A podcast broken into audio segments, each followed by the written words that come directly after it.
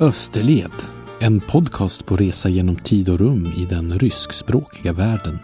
Idag över gränsen till Georgien bland andra postsovjetiska gränsövergångar till eh, David Garecha tillsammans med Edward Shevardnadze, belgaren Brieu och eh, hoppande ormar. Bajechalje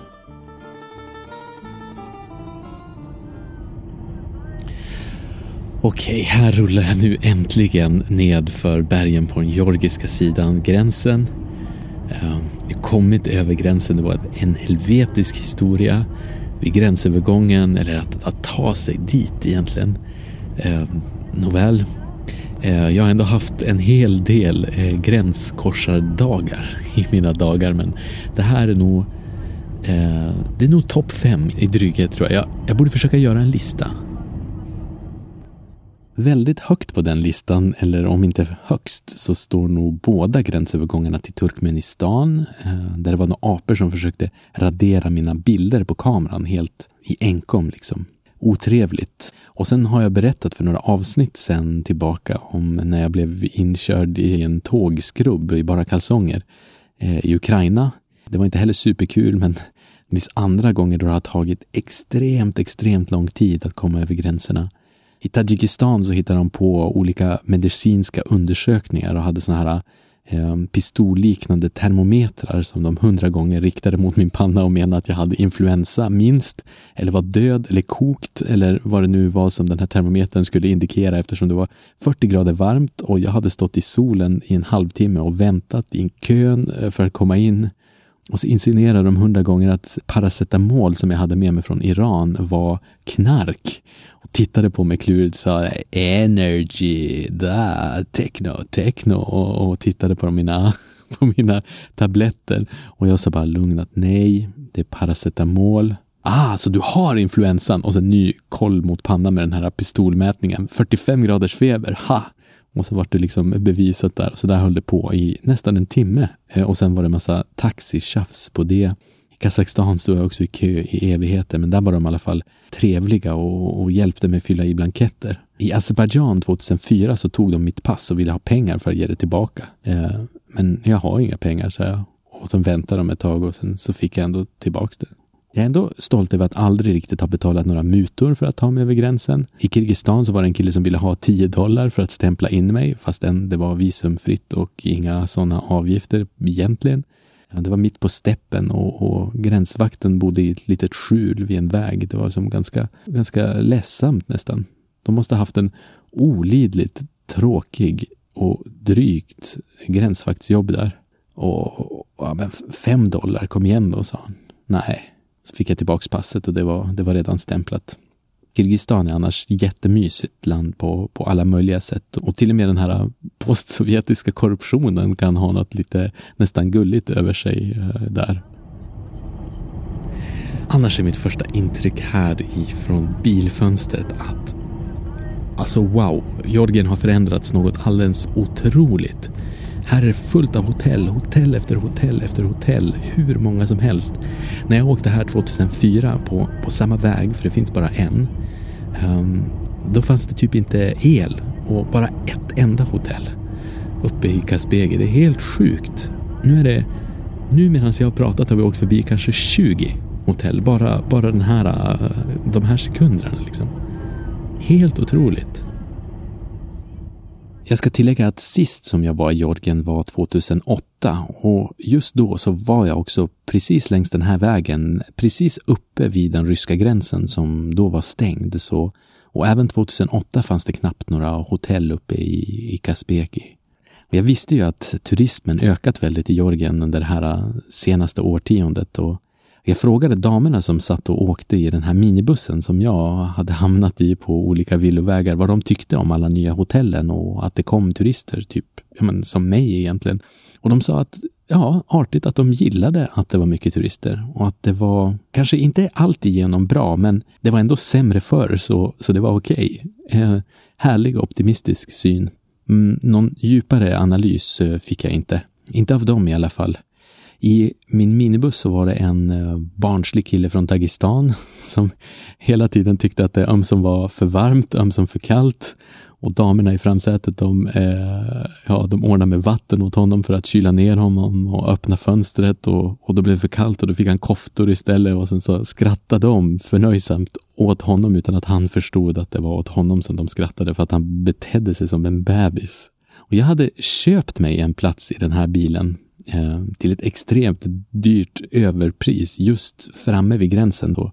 Jag hade, eh, jag hade träffat dem redan där och dit hade jag kommit med en taxi. Eh, en taxi som kördes av eh, Ja, men det som jag sa var den, den största skitstöveln som jag träffade i Ryssland under en månad. Jag sparade ju som sagt till sist att träffa den enda riktigt dryga ryssen. Och det var någon som mitt vandrarhem, mitt för övrigt ganska skumma vandrarhem i Vladikavkaz hade skakat fram. Förutom att min rumskamrat på det och vandrarhemmet förmodligen var smugglare eh, så ordnade den här med en försenad gangstertaxi som körde mig och tre andra stackare eh, på en sidoväg eh, bredvid en säkert fyra kilometer oavbruten lång kö av bilar som också tog sig upp för vägen mot gränsen som ligger i bergen. Då.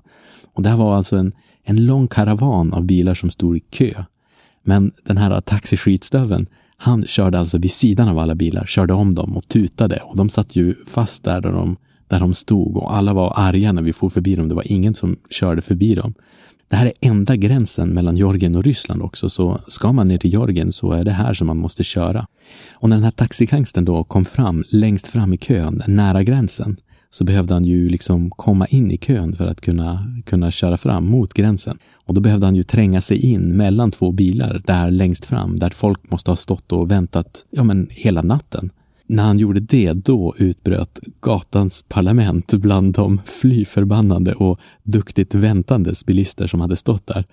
Folk slet av sig tröjorna på överkroppen och värmde upp med knytnävarna och bringan och slog eh, på taxichaufförens eh, motorhuv så att det stänkte. Det blev jäkligt aggressiv stämning där uppe.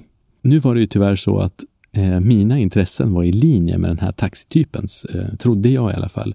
För i, i, första hand så verkar det som att han försökte köra mig i Georgien så fort som möjligt. Jag hade ju betalat hela vägen till Tbilisi. Men eh, det var aldrig någonting som han tänkte sig. Istället så blidkade han den här arga folkmassan eh, genom att lova att sälja mig som passagerare till ett högt pris eh, och sedan sticka samma väg som han gjort. Och det gjorde han. Det var bara det att den han sålde mig till var inte intresserad av att ta mig för de hade inga platser. Så där stod jag. Visserligen längst fram vid gränsen, men utan fordon att eh, komma igenom gränsen med, för man måste sitta i en bil. Så, och dessutom var folk arga som tusan på mig bakom, för de hade ju sett att det var en eh, taxityp som hade kört förbi dem. Så jag satte mig i skuggan där och väntade ut att eh, folk skulle lugna ner sig och var femte minut så släppte de in några bilar och efter en halvtimme så var de flesta sådana som inte längre mindes eller hade sett att eh, folk hade klätt av sig och gjort sig redo för handgemäng där vid gränsen. Och då började jag gå runt själv för att eh, fråga hur jag skulle kunna göra för att ta mig över. Och jag fick de mest galna skambud för att eh, få mig en plats där till Tbilisi. 150 dollar för att sitta i en bil, till exempel. Helt sjukt. Jag tog en paus i skuggan ett tag till, men till sist så fick jag då napp eh, och förhandlade. Nu kommer jag inte ihåg vad det egentligen kostade, men det var dyrt men nästan skäligt. Eh, liksom i den här eh, minibussen som hade flera platser över och där de här georgiska damerna satt och en och sen den här eh, bebismannen från Dagestan då. Och gränsen, själva gränsen när man väl kom in, den var, den var inte snabb heller, men det, det, det finns värre. Det tog mig ändå fyra timmar från Vladikavkaz till Georgien och sen eh, några timmar till ned från bergen eh, på den georgiska sidan ner till Didube som är en, en kommun i Tbilisi där eh, busstationen också ligger. Oh, Här är det, det är riktigt varmt här när man har kommit ner från bergen ett nytt land, en ny attityd. Saker går lite snabbare och lite svettigare till, måste jag tillstå. Verkar lite stökigare, rent allmänt. Nog för att det här är en stökig plats. Eh, men jag är här, jag är framme. Eh, underbart.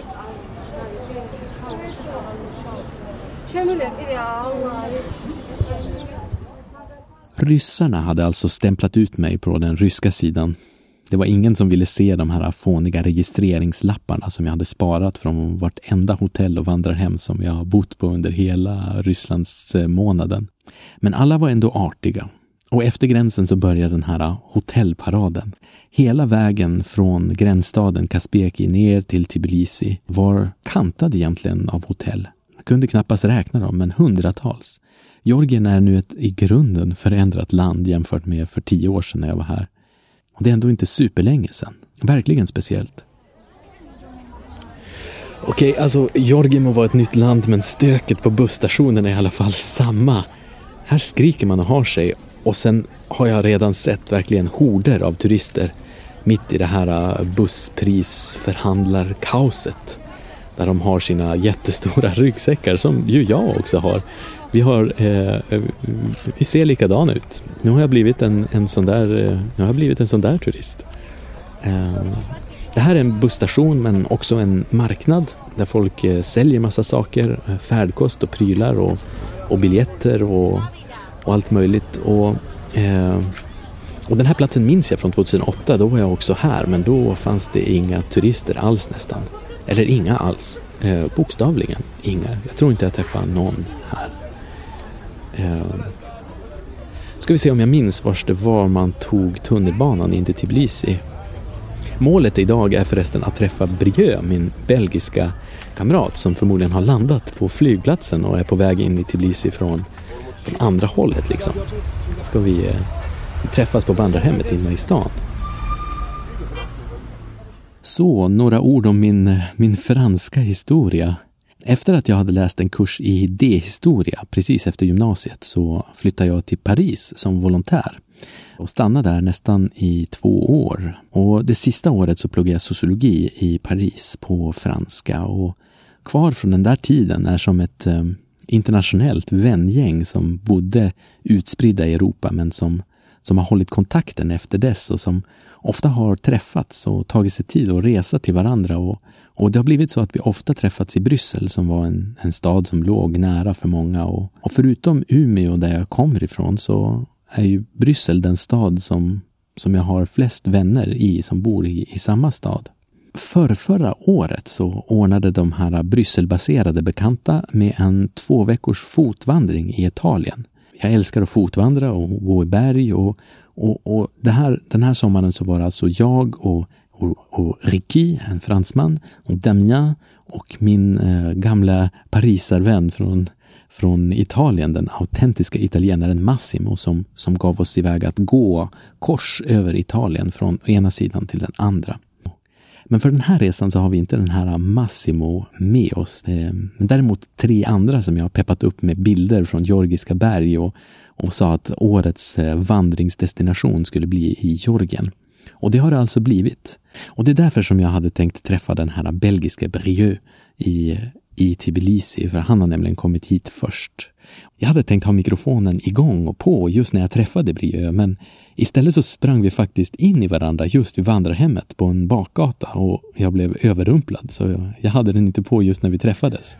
C'était un peu euh, ouais, pas comme j'avais planifié. Donc, donc on fait comme si je venais te rencontrer par exemple. Non, on va pas faire non? faker ça. Bah, ah, Joseph, oh, incroyable Voilà, non. très naturel. Oui, ça, ça marche peut-être pas.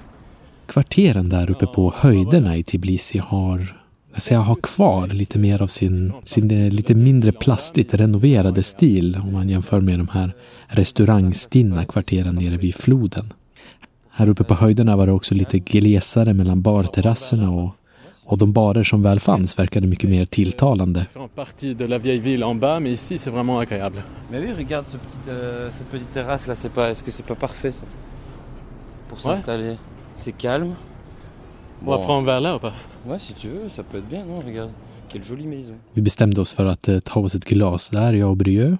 När jag snickrade ihop de första avsnitten till den här podcasten så var jag fortfarande lite obekväm med att höra min egen röst.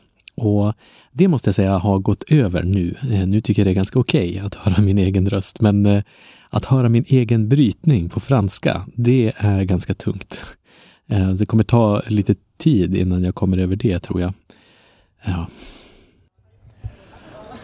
Det känns skönt att ha sällskap i podcasten äntligen. Nu kan jag liksom delegera uppgiften att berätta vad som händer i nuet. Je peux déléguer à raconter ce qui passe. Qu'est-ce qu'on est en train de faire bah, Qu'est-ce qu'on est en train de faire On est en train d'attendre que la pluie tombe parce qu'il euh, y a des nuages noirs au-dessus de Tbilissi mais en même temps, euh, maintenant il fait frais, il fait bon. Brieux förklarar här att vi har satt oss att invänta slutet på en regnskur på ett hipsterikt ställe med utsikt över stan under tunga regnmoln från kullarna där uppe. Mm. Det var små lanternor på barterrassen och trendig men lågmäld eh, housemusik. En drôle d'atmosphère et tous les petits lampions. Un peu de, de, de house music euh, qui, euh, qui montre que la, qui met l'ambiance. La Géorgie est en phase avec son époque. Finalement. Finalement. Georgien hänger med i sin samtid. Ölen är dyr och importerad och, och det fanns både iranska och europeiska turister där på samma terrass som oss. Och de här små lyktorna som hängde i träden, de var elektriska.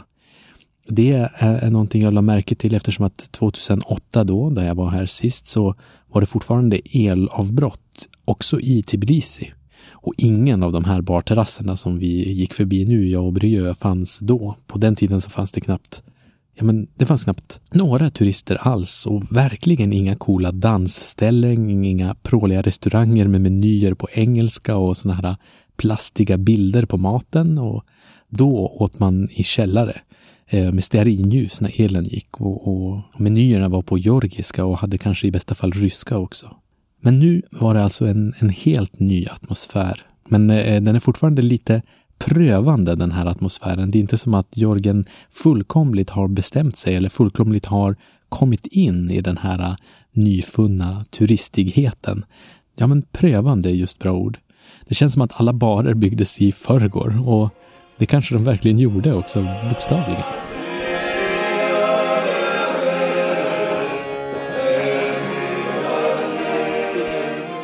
Gång på gång under de första veckorna i Georgien så slog det mig som sagt hur saker har förändrats sedan mina tidigare besök i landet och jag har aldrig varit någonstans i mitt liv egentligen som genomgått en sån metamorfos som Georgien ju gjort. 2004 så reste jag och en kamrat genom de här tre länderna i södra Kaukasus, alltså Armenien, eh, Georgien och Azerbajdzjan. I Georgien så hade det då precis varit en revolution kan man säga Eh, Saakashvili hade slängt ut Shevardnadze. Han hade ju i sin tur blivit Georgiens president när det nya lilla postsovjetiska landet hade slungat eh, Sovjetunionens elit till makten i de respektive länderna. Shevardnadze var ju en tidigare utrikesminister i Sovjetunionen faktiskt. Så han tillhörde verkligen det gamla gardet. Georgisk politik är fortfarande på sätt och vis uppstaplat i den här delningen mellan det gamla, ryssvänliga, ekonomisk-politiska eliten och, och, deras olika oppositioner. Först till kvarn på presidentposten i det självständiga Georgien på 90-talet var däremot människorättsaktivisten Zviat Gamsachurdia som hade varit en eh, sovjetisk dissident. Men honom, honom sköt man. Georgien har en egen och intressant 1900-talshistoria och, och nutidshistoria och i de kommande avsnitten här ska vi lära känna den lite grann. Men eh, kortfattat så kan man säga att Georgien ju var en Sovjetrepublik som hastigt var självständig under första världskriget men som sen invaderades av Röda armén under eh, ryska revolutionen och i ryska inbördeskriget eh, efter den. Men då hade Georgien redan varit en del av den ryska sfären i ungefär ett sekel. Och ryska språket är faktiskt fortfarande i Georgien det lättaste icke-georgiska språket att ta sig fram på, tror jag. Georgier har kanske hunnit göra de där barerna men ännu inte riktigt hunnit lära sig engelska överallt. Speciellt utanför Tbilisi.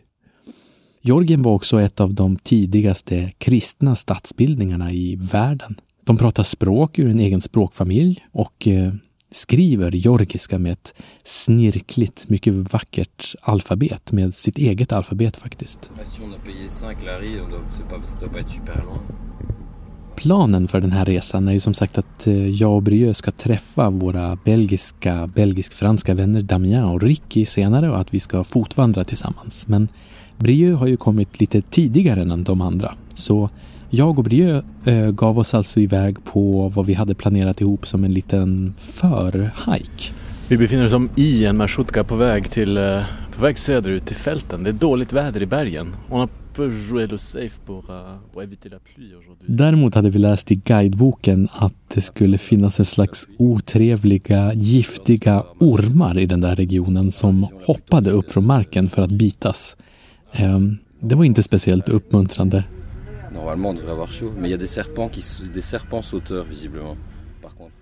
David Gareja är ett urgammalt kloster.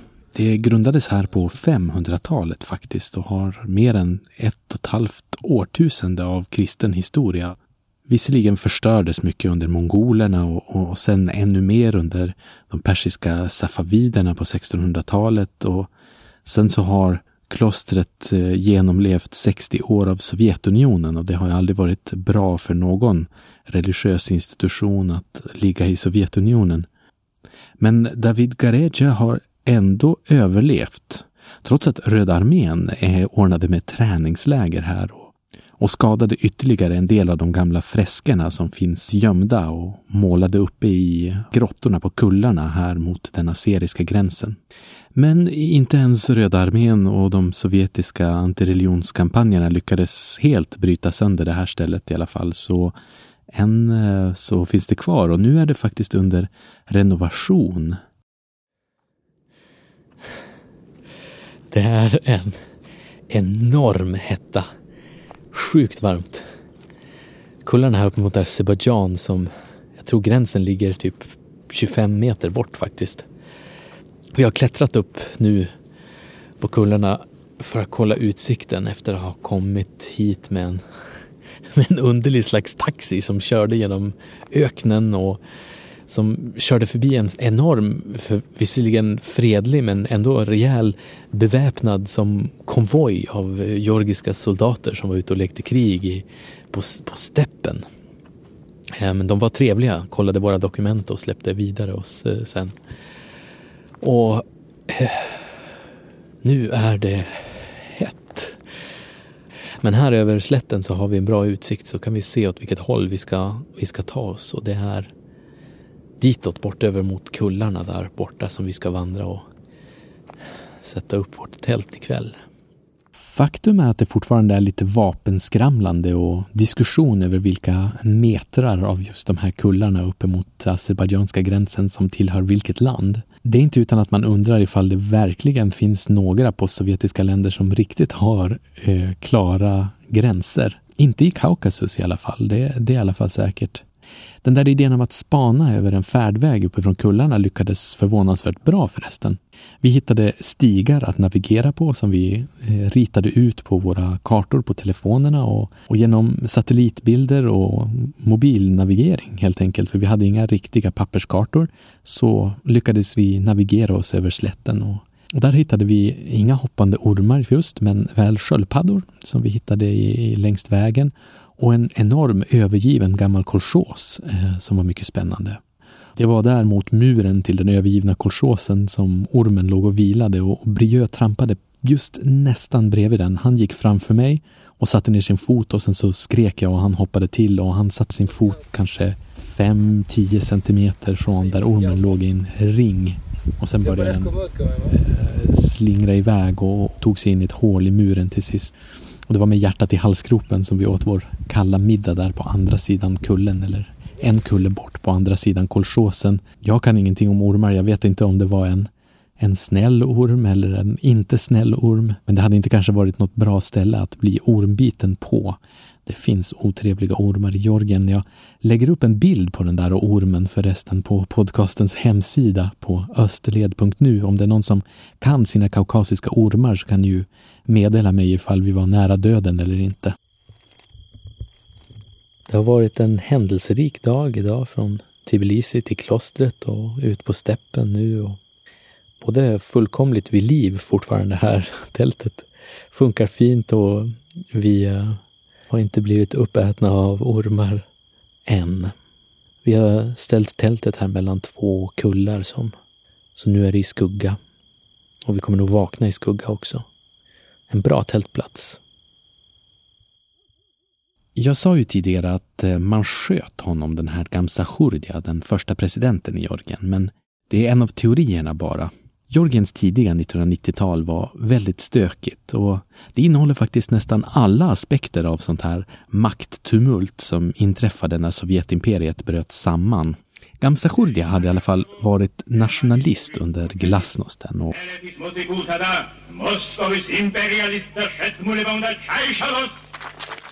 han valdes till president och utropade det här georgiska SSR som självständigt, eller att man återskapade den självständighet som Georgien hade haft en kort stund innan ryska revolutionen och att Röda armén tagit över på 20-talet. Så vid självständigheten så lämnade ju alltså Georgien Sovjetunionen där Edvard Shevardnadze fortfarande var utrikesminister, eh, Georgien alltså. Den där Edvard Shevardnadze var i flera omgångar Georgiens starke man, ska jag säga. Dels på kommunisttiden. Där hade han först varit en sån här typisk sovjetisk partipamp. På 70-talet så manövrerade han ut sina konkurrenter till höger och vänster genom att anklaga dem för korruption. En klassiker där, för i Sovjet så är konsten att stiga graderna i, i eh, partipolitiken, liksom att eh, se till att andra åker dit för eh, skurkfasoner som man själv också håller på med. Det har varit en lång tradition av det. Och som partitopp i en republik så stod Chevenasse lämpligt till för att man ska kunna avancera ytterligare. Han var första partisekreterare i det georgiska kommunistpartiet och alltså det, det högsta hönset i en liten hönsgård. Och 1985 så blev Shevardnadze just befordrad uppåt till själva Sovjetunionens utrikesminister och han var därmed i princip Sovjetunionens näst mäktigaste man.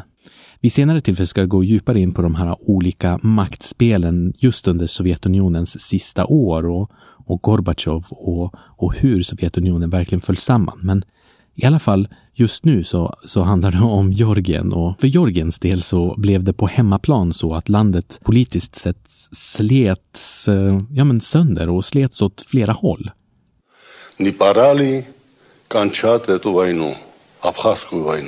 Dels i Sydossetien, den här delen söder om Nordossetien, där var Vladikavkaz. Det är en region med etniska minoriteter. Där bor det ossetier precis som det gör i Vladikavkaz. Och, och de hade inte lust att lämna Sovjetunionen. Så ungefär som Pridnestrovje i Moldavien som jag pratade om för två avsnitt sedan, så hade de hellre lust att stanna i Sovjetunionen när Georgien utropade sin självständighet. Men Georgien slets också sönder politiskt av att um, olika grupper tog parti för och emot Gamsachurdas regering och det var till och med fallet inom delar av polis och militär som hamnade i luven på varandra och, och, och faktiskt eh, utkämpade gatustrider i Tbilisi och andra städer för och emot Gamsachurdia alltså som flydde till olika grannländer innan han kom tillbaks till Georgien till sist för att kriga det här politiska inbördeskriget. Gamsachurdias motståndare var då helt enkelt ingen mindre än Shevardnadze själv som lämnat den sovjetiska skutan och kommit tillbaka till Georgien och, och kommit ut som nationalist. När Sovjetunionen inte fanns längre så fanns det ju inget att vara utrikesminister över där, så då var det bättre att glida in från sidan i det politiska kaoset i Georgien och ta makten där, speciellt nu när den valda presidenten hade lämnat landet. Shevardnadze hade ju en gång i tiden varit med om att sätta Gamsachurja i fängelse under Sovjettiden, så det var kanske inte så konstigt att de blev också antagonister nu. Den totala röran i Georgien på 90-talet förstärks av att Ryssland fortfarande också är en, en, en, spelare i det här. Och det hänger också ihop med just Shevardnadzes roll. Ryssland hade nämligen först hjälpt till i statskuppen mot Gamsachurdia som gjorde att han var tvungen att lämna Georgien. Och sedan hade de hjälpt Shevardnadze att vinna inbördeskriget mot Gamsachurdia. Men med den intressanta twisten att Shevardnadzes förföljelser av de som var lojala med Gamsachurdia de spillde över i de här regionerna där det fanns en etnisk och separatistisk spänning mellan, mellan georgier och, och etniska minoriteter som i Abchazien och, och i Ossetien. Och som jag sa nyss så hade ju Sydossetien inte riktigt velat lämna Sovjetunionen. Och när Gamsachurdia hade dött så övergick det här politiska inbördeskriget i Georgien till ett separatistiskt inbördeskrig där Georgien snart kom att förlora kontrollen både i Abchazien och i Sydossetien. För att det ska bli extra rörigt så hade ju Ryssland också en roll i den här separatistiska konflikten. Förut hade de ju hjälpt Shevardnadze, men nu så stödde de separatisterna mot Georgien i Abchasien så stödde de Abchasien militärt och där var det krig under nästan hela 1993 och hundratusentals georgier flydde därifrån, från Abchasien till Georgien. När jag var i Georgien 2004 så bodde det georgiska flyktingar där från Abchasien i ett enormt höghus över den gamla telegrafstationen eller telefonstationen som nu förresten har blivit Radisson Hotel. Men jag undrar var flyktingarna har tagit vägen då. För till Abchasien har de inte återvänt eftersom att den konflikten nu är stelnad men, men inte löst. Hur Sjevardnadze verkligen gled in som president under de här krigen, det är lite oklart. Vald blev han först när dammet hade lagt sig 1995, men Silverräven kallade man honom eh, för. För att han hade som grått hår och för att han var en, en räv, en riktigt slug typ som hade, som hade nästlat sig in och, och, och tagit makt och behållit den i Georgien från ja, men hela 90-talet fram till 2003 då han avsattes i en slags mjuk revolution som utlöstes av att han hade valfuskat lite för eh, mycket. Den revolutionen förde förresten eh, Saakashvili till makten, en, en till i raden av spektakulära och intressanta postsovjetiska politiska karriärer eh, som jag kan prata om någon annan gång. Det var förresten också den här revolutionen 2003 som gjorde att jag fick upp ögonen för Georgien och att eh, jag ville resa hit som jag ju gjorde sedan 2000, 2004, året efter revolutionen. Idag ska vi till Obdano, men eh, det regnar just nu så det är inte så kul faktiskt. Men det är visserligen tidigt på morgonen så jag hoppas att, att det ska sluta snart. Det är skönt att veta att tältet fungerar bra i alla fall och är vattentätt.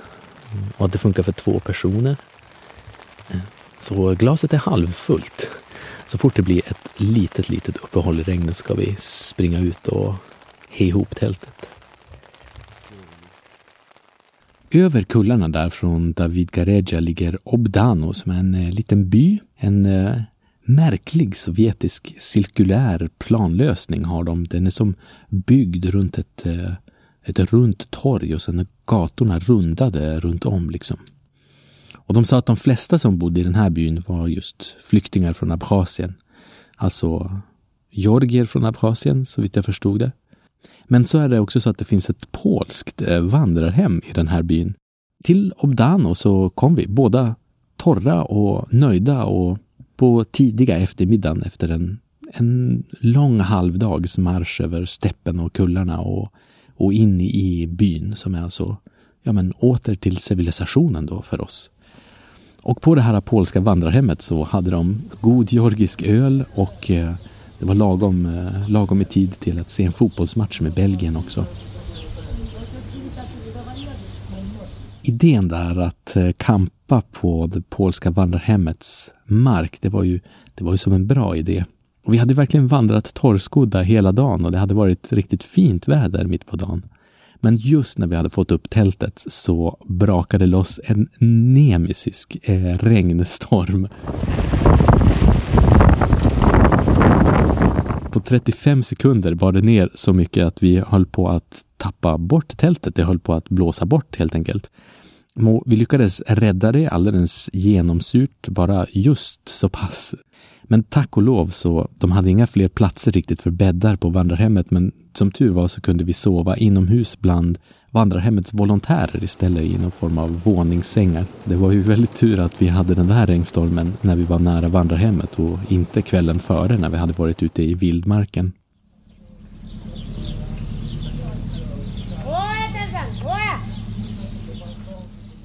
Det här polska paret som hade vandrarhemmet, de hade varit kända bland Jorgen-entusiaster i Polen. Georgiens turistministerium hade varit ganska sluga. De hade ett, eh, ett lockbete tidigt när Georgien byggde ut sin turism. Att alla polska medborgare fick en liter georgiskt vin på flygplatsen mot uppvisande av sitt pass.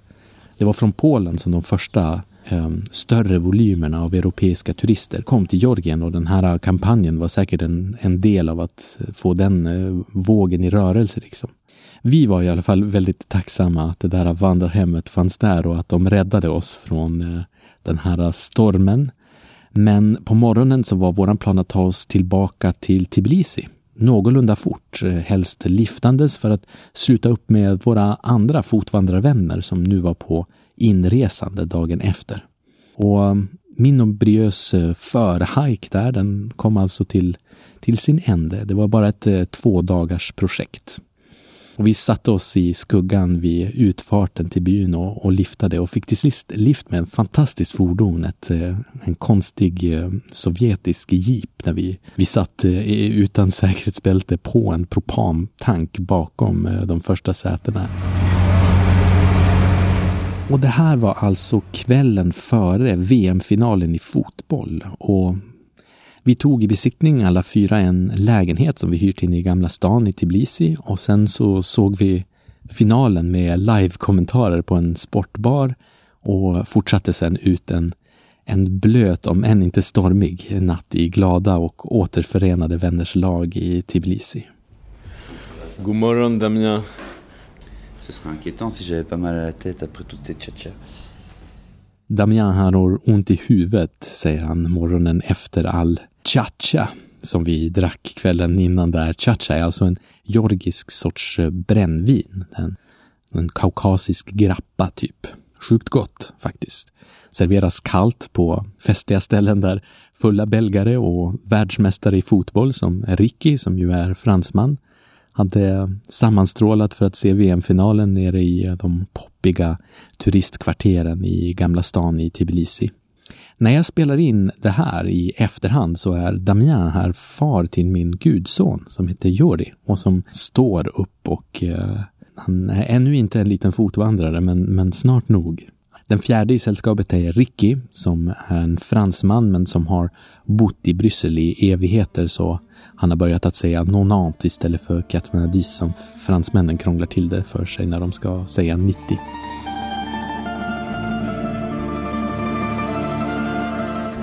Det är vi fyra som ska ta oss runt i Jorgen under de kommande veckorna. Brieux alltså från förhajken där i David Gareja och den belgiska fransmannen Ricky och eh, gudfadersföräldern Damien. Vi har planerat att åka bort till avlägsna Svaneti i georgiska nordväst för att gå i bergen där. Vi hade redan tågbiljetter med nattåget till Zugdidi och, och därifrån kan man ta sig upp i den här regionen Svaneti då. Och Svaneti hade jag hört om både redan 2004 och 2008 när jag var i Georgien men dels var det lite innan som jag verkligen hade förälskat mig i att gå i berg och det här med att bergsvandra. Så det blev aldrig att jag åkte till Svaneti men eh, nu är det tredje gången gilt och, och nu, ska jag, nu ska jag alltså äntligen dit. Och i nästa avsnitt så går vi alltså alla mot Svaneti. En veckas fotvandring uppemot den ryska gränsen där kring eh, Europas högsta och vildaste berg. Vi hörs helt enkelt eh, då. Tack för att ni lyssnar. Eh, tills dess, Didi Madloba är georgiska och betyder spasiba balshoi. Så tills nästa gång, baka!